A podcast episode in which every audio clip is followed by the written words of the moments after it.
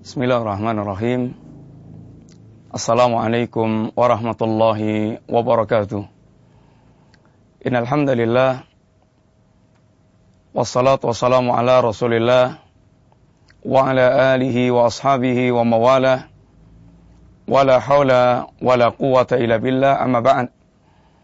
Alhamdulillah para pemirsa yang rahmati Allah Subhanahu wa taala Kembali kita berjumpa dalam kajian silsilah akidah, akidah Islam, akidah al-sunnah wal jamaah, akidah yang ditegakkan di atas pemahaman para sahabat Nabi Rasulullah alaihim jami'an.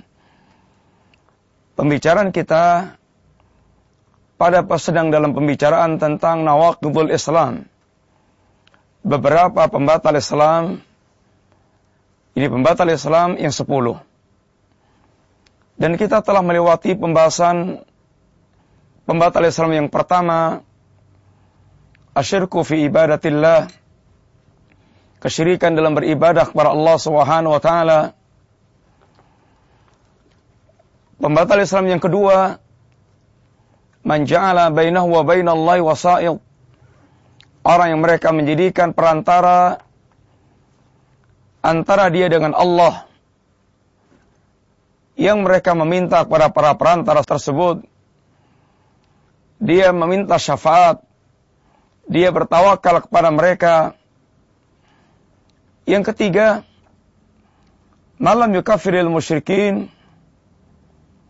aw fi kufrihim aw sahaha madhabahum. Orang yang mereka tidak mengkafirkan orang musyrik dan atau ragu terhadap kekafiran orang kafir atau dia membenarkan madhab, pemikiran, keyakinan, agama kekafiran. Yang keempat, mani taqada anna ghaira haddi Muhammadin sallallahu alaihi wasallam akmal min hadyi wa anna hukma ghairahu wa anna hukma ghairihi ahsan min hukmi Orang yang berkeyakinan bahwa ada petunjuk yang lebih sempurna dibandingkan dengan petunjuk Nabi dan ada hukum yang lebih baik dibandingkan hukum Nabi sallallahu alaihi wasallam. Yang kelima, man abghadha syai'an mimma jabi rasul. Dia membenci apa yang dibawa oleh Rasulullah sallallahu alaihi wasallam. Inilah lima perkara yang telah kita sampaikan. Dan kita masuk pada pembatal yang keenam yakni al-istihza bidini Rasul. Al-istihza min syai'in bidin Rasul ini beristisa. Dia melecehkan. Dia memperolok-olok perkara yang merupakan agama Rasulullah sallallahu alaihi wasallam. Apakah itu yang berkaitan dengan thawabuh wa iqabuh yang berkaitan dengan pahala berkaitan dengan hukuman-hukuman dalam agama dan yang berkaitan dengan keseluruhan identitas agama ini. Para pemirsa yang rahmati Allah Subhanahu wa taala harus kita fahami bahwa seorang muslim dengan iman yang ada di hatinya maka akar keimanan ini adalah pengagungan terhadap Allah Subhanahu wa taala dan pengagungan terhadap apa yang diagungkan oleh Allah Subhanahu wa taala. Dua ayat yang merupakan kaidah penting dalam agama kita. Wa may yu'azzim sya'airallah fa inna min taqwal qulub. Wa may yu'azzim hurmatillah fa huwa khairul lahu inda rabbih. Barang siapa yang dia mengagungkan syiar-syiar agama Allah, maka itu menunjukkan adanya takwa di dalam hati mereka. Dan barang siapa yang dia mengagungkan hal-hal yang diharamkan oleh Allah Subhanahu wa taala, maka itu lebih baik bagi dia di sisi Allah. Dua ayat ini, para pemirsa yang rahmati Allah, merupakan sekaligus kaidah bahwa iman kita diwujudkan dengan pengagungan. Pengagungan terhadap apa yang diagungkan oleh Allah Subhanahu wa taala mengagungkan Allah dan mengagungkan apa yang diagungkan oleh Allah Subhanahu wa taala. Mengagungkan Allah Subhanahu wa taala di antaranya diwujudkan dengan mengagungkan syiar-syiar agama Allah Subhanahu wa taala. Bagaimana dia mewujudkan yang wajib? Bagaimana dia mewujudkan yang merupakan perintah-perintah Allah Subhanahu wa taala? Dan bagaimana dia mengagungkan hal-hal yang diharamkan Allah Subhanahu wa taala dengan cara dia menjauhkan diri.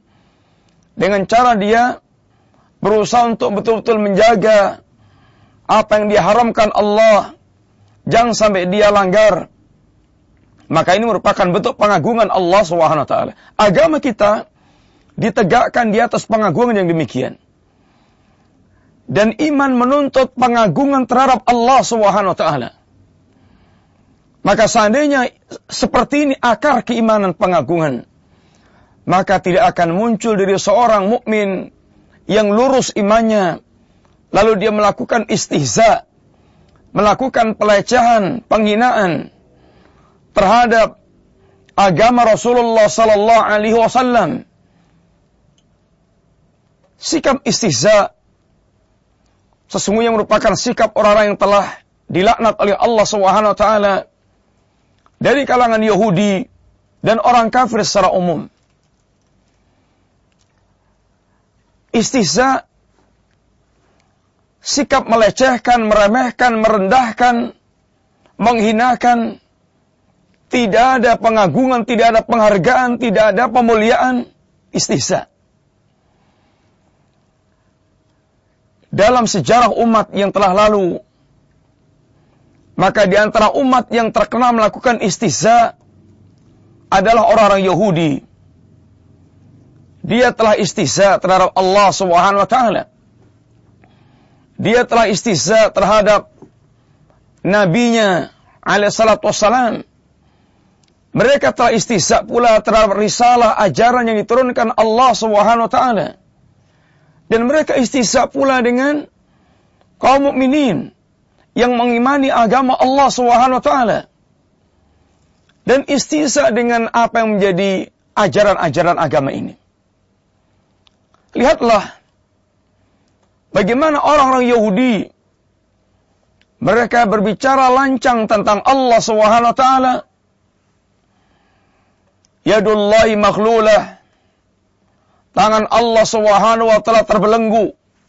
Ini sikap lancang terhadap Allah.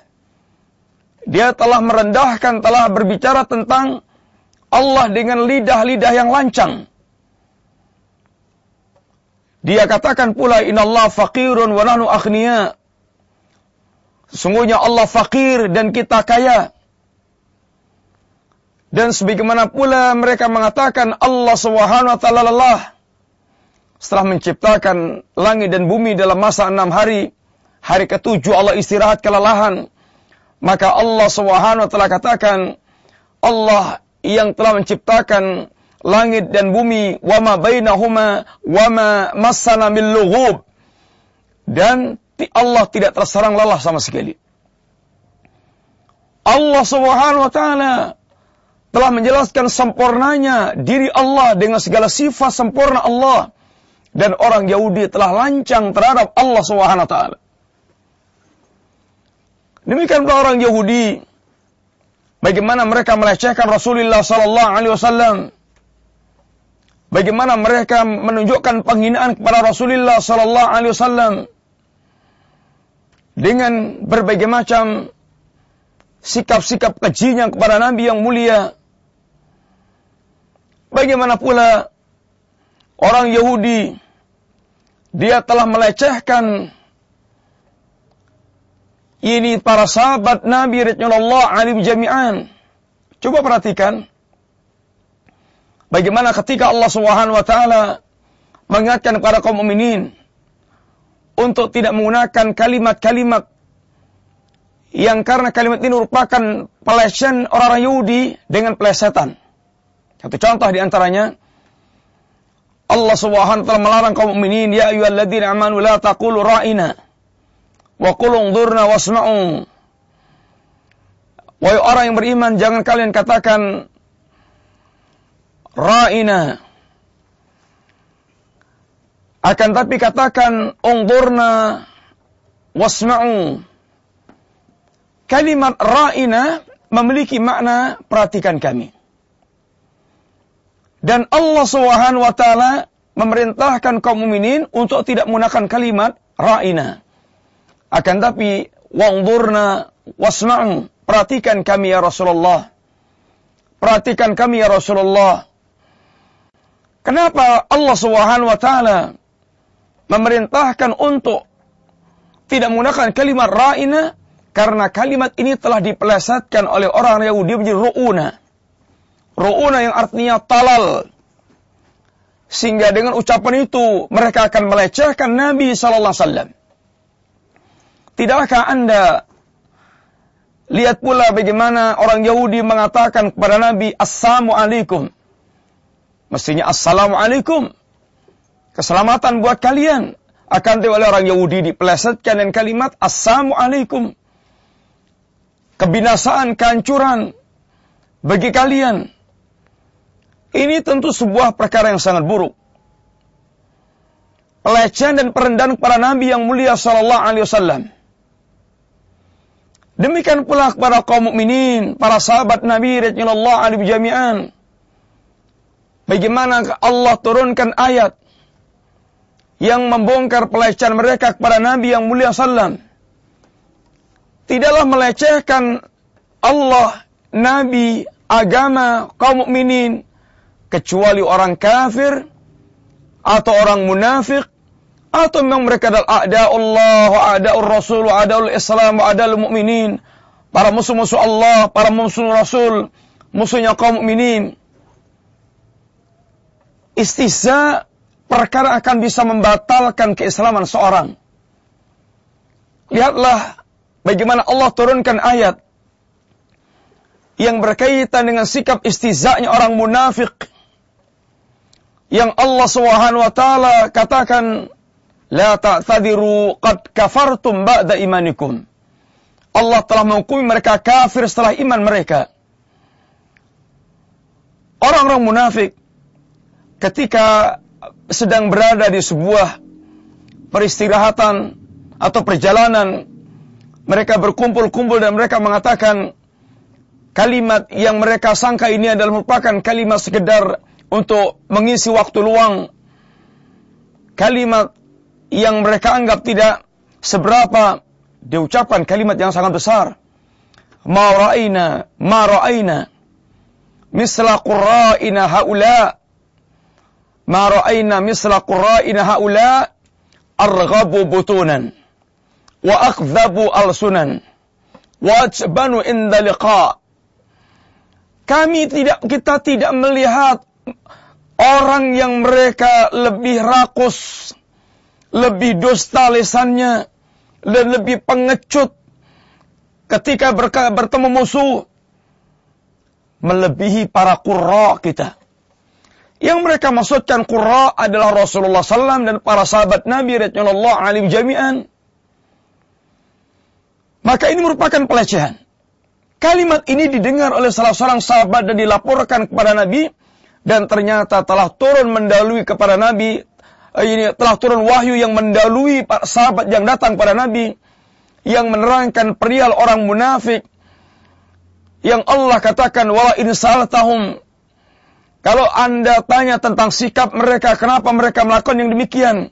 Apa katanya? Innama kunna nakhudhu wa nal'ab.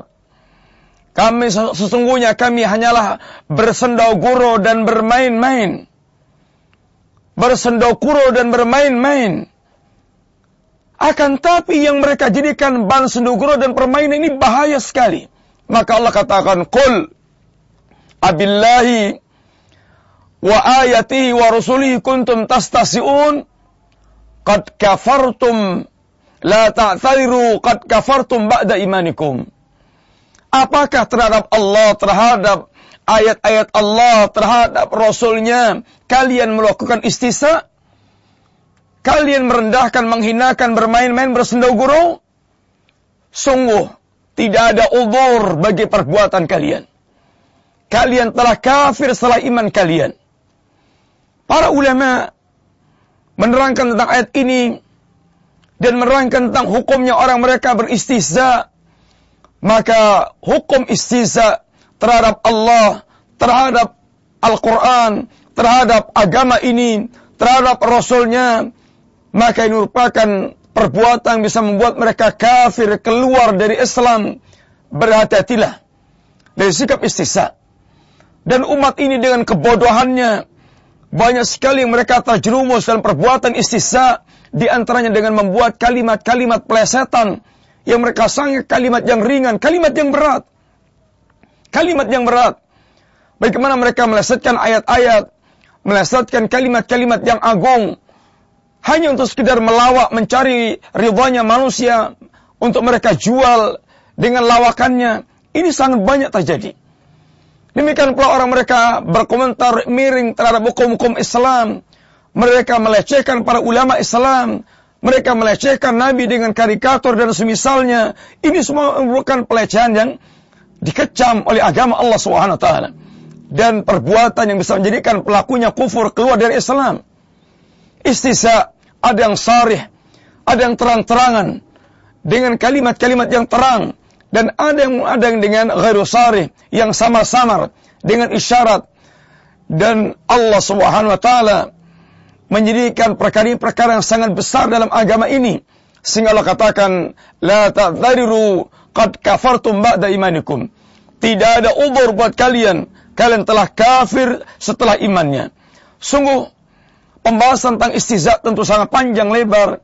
Akan tapi kalimat ini merupakan kalimat singkat yang mengingatkan kepada kita agar setiap kita hati-hati dari sikap istiza karena perbuatan ini akan bisa menjadikan pelakunya kufur keluar dari Islam dan hendaknya setiap kita mengkhawatirkan diri kita seandainya terjerumus dalam perbuatan al-istisa bidinillah, al-istisa billah wa bi ayati wa bi rasulih yang itu merupakan perbuatan sangat besar, sangat mungkar dalam agama ini.